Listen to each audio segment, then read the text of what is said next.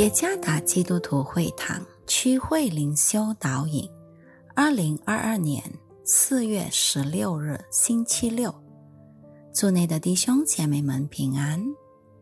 今天的灵修导引，我们将会借着圣经希伯来书第六章十三到二十节来思想今天的主题：耐心与盼望。作者。以马内利牧师，希伯来书第六章十三节。当初神应许亚伯拉罕的时候，因为没有比自己更大可以指着启示的，就指着自己启示说：“论福，我必赐大福给你；论子孙，我必叫你的子孙多起来。”这样。亚伯拉罕即恒久忍耐，就得了所应许的。人都是指着比自己大的启示，并且以启示为实据，了结各样的争论。照样，神愿意为那承受应许的人，格外显明他的旨意是不更改的，就启示为证。借着两件不更改的事，神绝不能说谎，好叫我们这逃往避难所、持定摆在我们前头指望的人，可以大得勉励。我们有这指望，如同灵魂的锚，又坚固又牢靠，且通入幔内。做先锋的耶稣，即照着。麦基喜德的等次成了永远的大祭司，就为我们进入幔内。我所居住的东努沙登加拉省 （NTT） 地区，尤其是在中南地汶县，雨季通常于十一月份开始至四月份。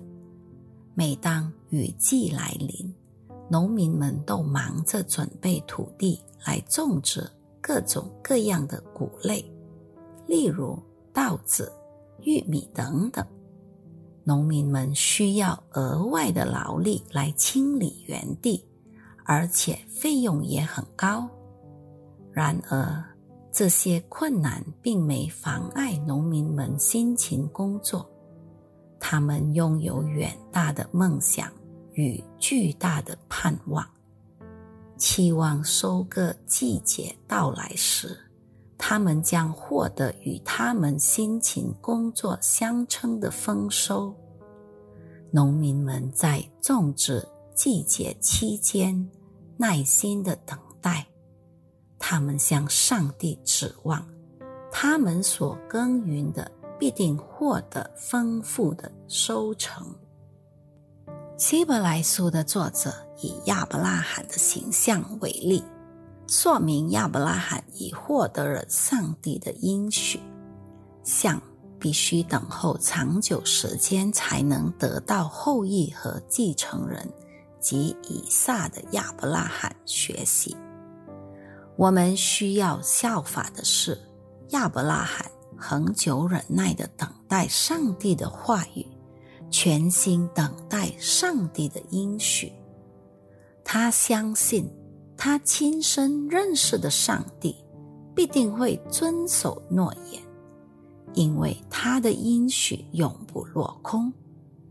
虽然上帝对亚伯拉罕的应许有些还没直接经历到，但他仍然相信，总有一天那些应许。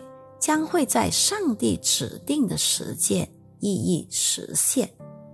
等候上帝应许的同时，耐心与忠心是非常必要的。只有那些对上帝坚持盼望的人，才能看见与经历上帝的应许。指望如同我们灵魂又坚固又牢靠的锚。我们的指望来自基督耶稣，他是我们永远的大祭司。让我们每个人持续对上帝有坚定的信心，因为在上帝里总是有确切的指望，耐心和忠心的与上帝同行，显示指望存在我们的心中。愿上帝赐福于大家。